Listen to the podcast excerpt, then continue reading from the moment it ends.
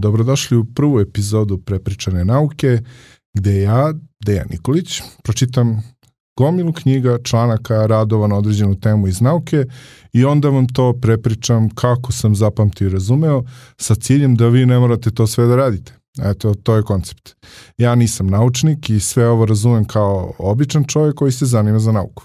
Očekujem satiranje u komentarima, kad se nalupetam gluposti naravno, ali to ću sebi pravdati cenom znanja. Dakle, da krenemo sa prvom temom. Prva tema je ultraljubičasta katastrofa, mislim kako da ne bude prva kad se tako zove. Pre više od 100 godina fizičari su pokušavali da prokljuve kako stvari sijaju, znači kako emituju svetlost.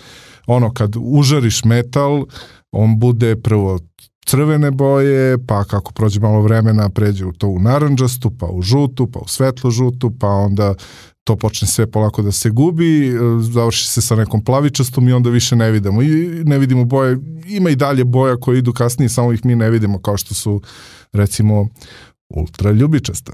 Ta svetlost koju metal emituje kad je užaren, a, tako nestaje zato što a, talasi svetlosti koji sijavaju postaju sve kraći i kraći. Znači njihova talasna dužina je sve kraća i kraća i praktično to je ono što boja i jeste, jel da? Znači boja je, dve boje se razlikuju u tome što je to sve svetlost sa ovakvom ili onakvom talasnom dužinom.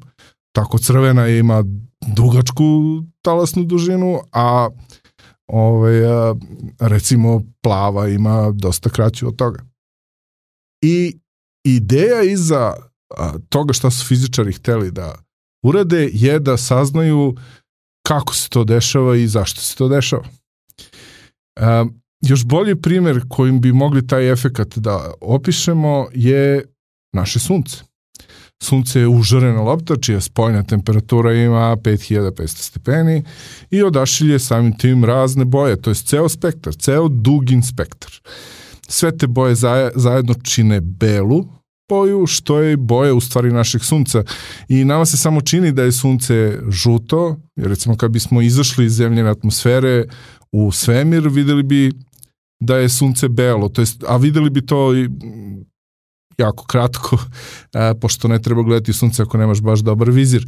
A, zato odavde možemo da vidimo sunce koje je žuto ili naranđasto ili crveno kada zalazi, a to se dešava zato što a, te boje koje vidimo, žuta, naranđasta, neka crvena, a, imaju a, dugačke talase i samim tim izbegavaju čestice o koje se kraći svetlosti sa kraćim talasima, znači recimo plava ili ljubičasta, odbijaju nazad u, u atmosferu i u svemir, odbijaju se od čestica u atmosferi. Um, te čestice su recimo gasovi koje imamo, ali brate prašina i ozon i sve ono što mi ispuštamo ovde. Uh, I u principu do nas dolaze samo ovi sa dužom talasnom dužinom i a, zato mi vidimo sunce kao crveno kada zalazi jer tada prolazi najduži put kada je blizu horizonta, najduži put do nas a, ili žuto kad je recimo skroz u o, skroz na visini a, recimo u podne jel? E sad, krajem 19. veka imamo tog lika Lorda Rajlija, znači naravno Englez, koji pošto je, jel te, Lord imao vremena da se bakće naukom kad je pošten svet e, giljao po rudnicima i fabrikama tekstila po ceo dan. Taj Lord Riley je inače a, dao matematičku formulu kojom je opisao zašto je nebo plavo. Dakle, čovjek baš voli da se bavi bojama i a, o tome se ovde radi na kraju krajeva. Mi se nećemo baviti njegovom matematikom jer to je za ozbiljne naučne podcaste, a ne ovo što ja radim ovde. Elem, Riley, da. On je u svojoj dokonosti zamislio ovo hipotetičko telo koje samo upija i sijeva svetlo i nazvao ga crno telo. Dakle, ne absorbuje svetlost, samo upija i, i sijeva. Zapamtio sam da je to važno, ali sad ne mogu se setim zašto. Uglavnom, nema takvog tela u prirodi.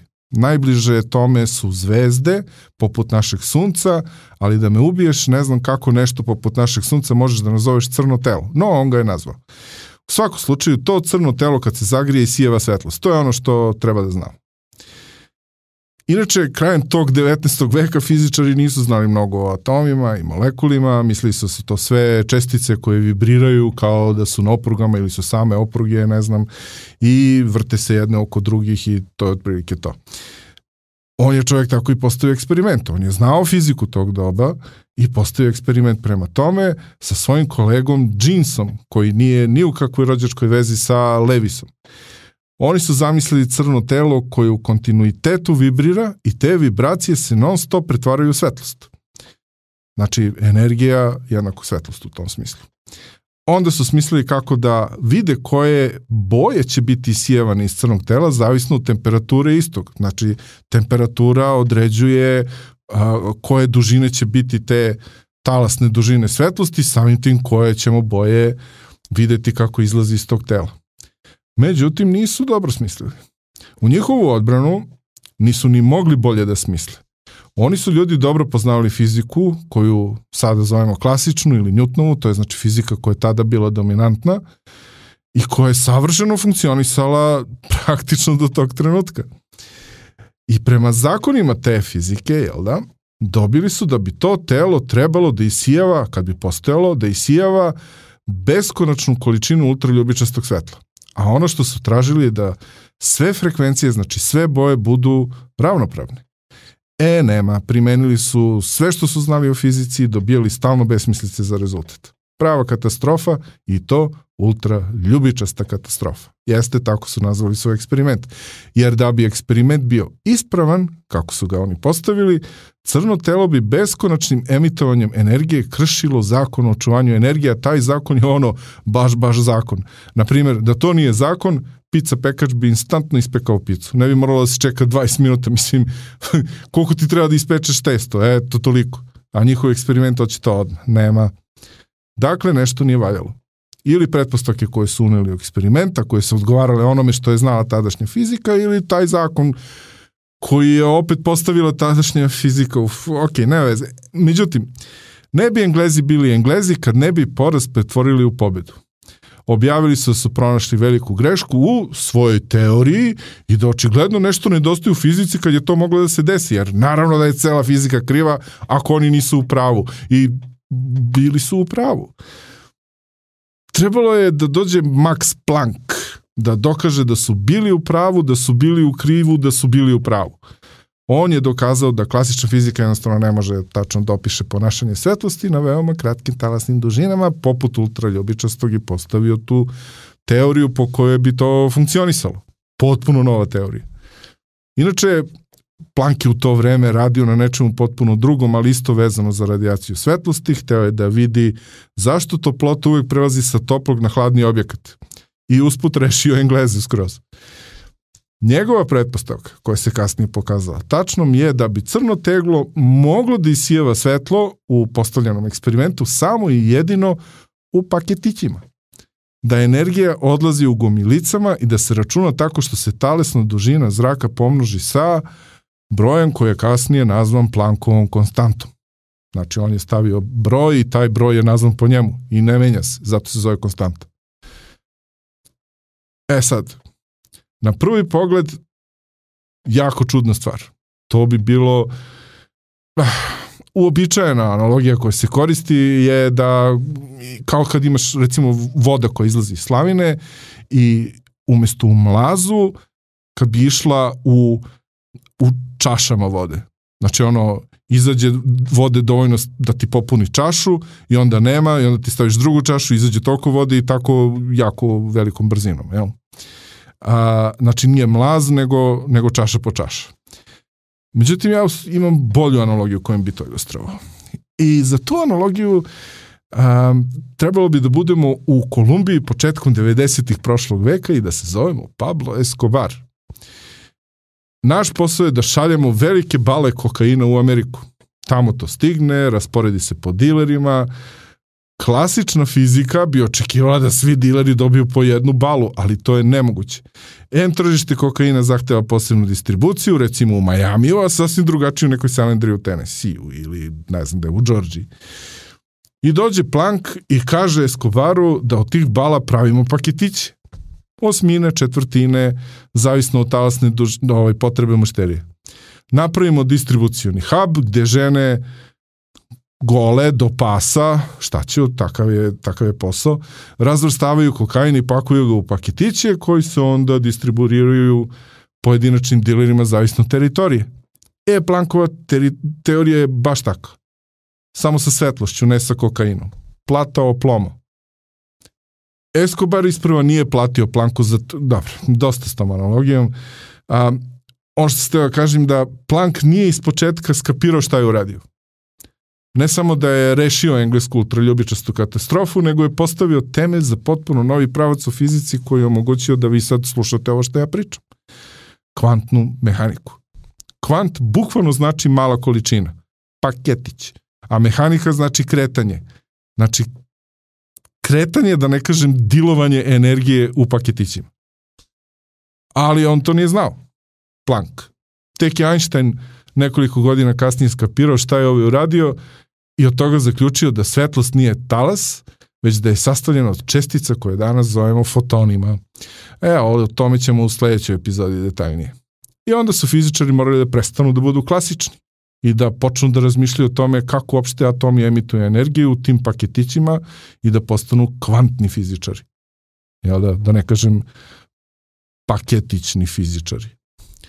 Dakle, atomi emituju fotone, svetlost, kada njihovi elektroni gube energiju.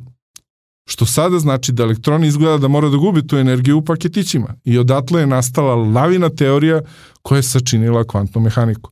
Ali ona se odnosi samo na veoma, veoma, veoma male stvari i ona nesrećna ljubičasta svetlost je sve ovo i pokrenula jer ima jako, jako, jako malu talasnu dužinu.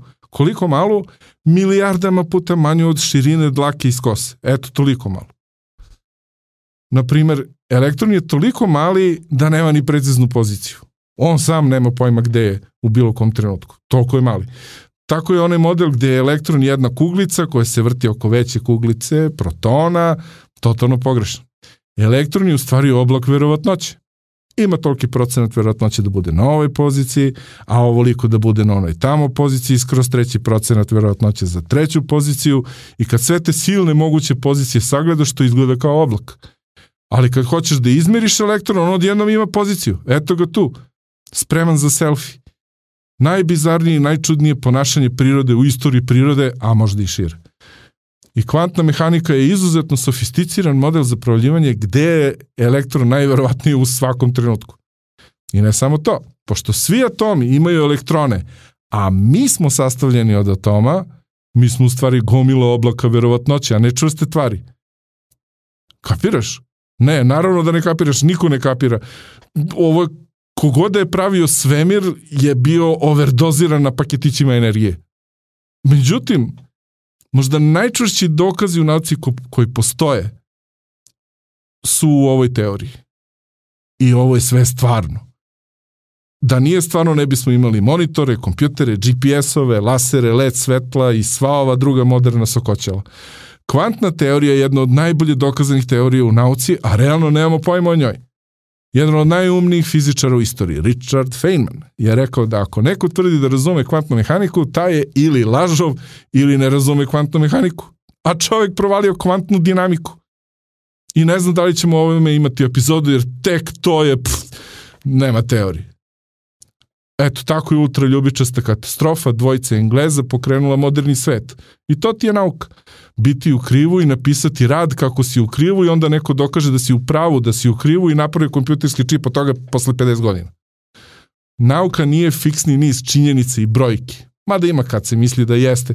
Na, ali nađe se uvek, uvek se nađe neki plank da ti pokvari rabotu i iskoristi to da bude slavniji od tebe. Jer ko je čuo za Jamesa Jeansa? A svi su čuli za Escobar, ovaj planka. U sledećoj epizodi pričamo o tome kako je Einstein pokrenuo pravac fizike u koji nije verovao do kraja života.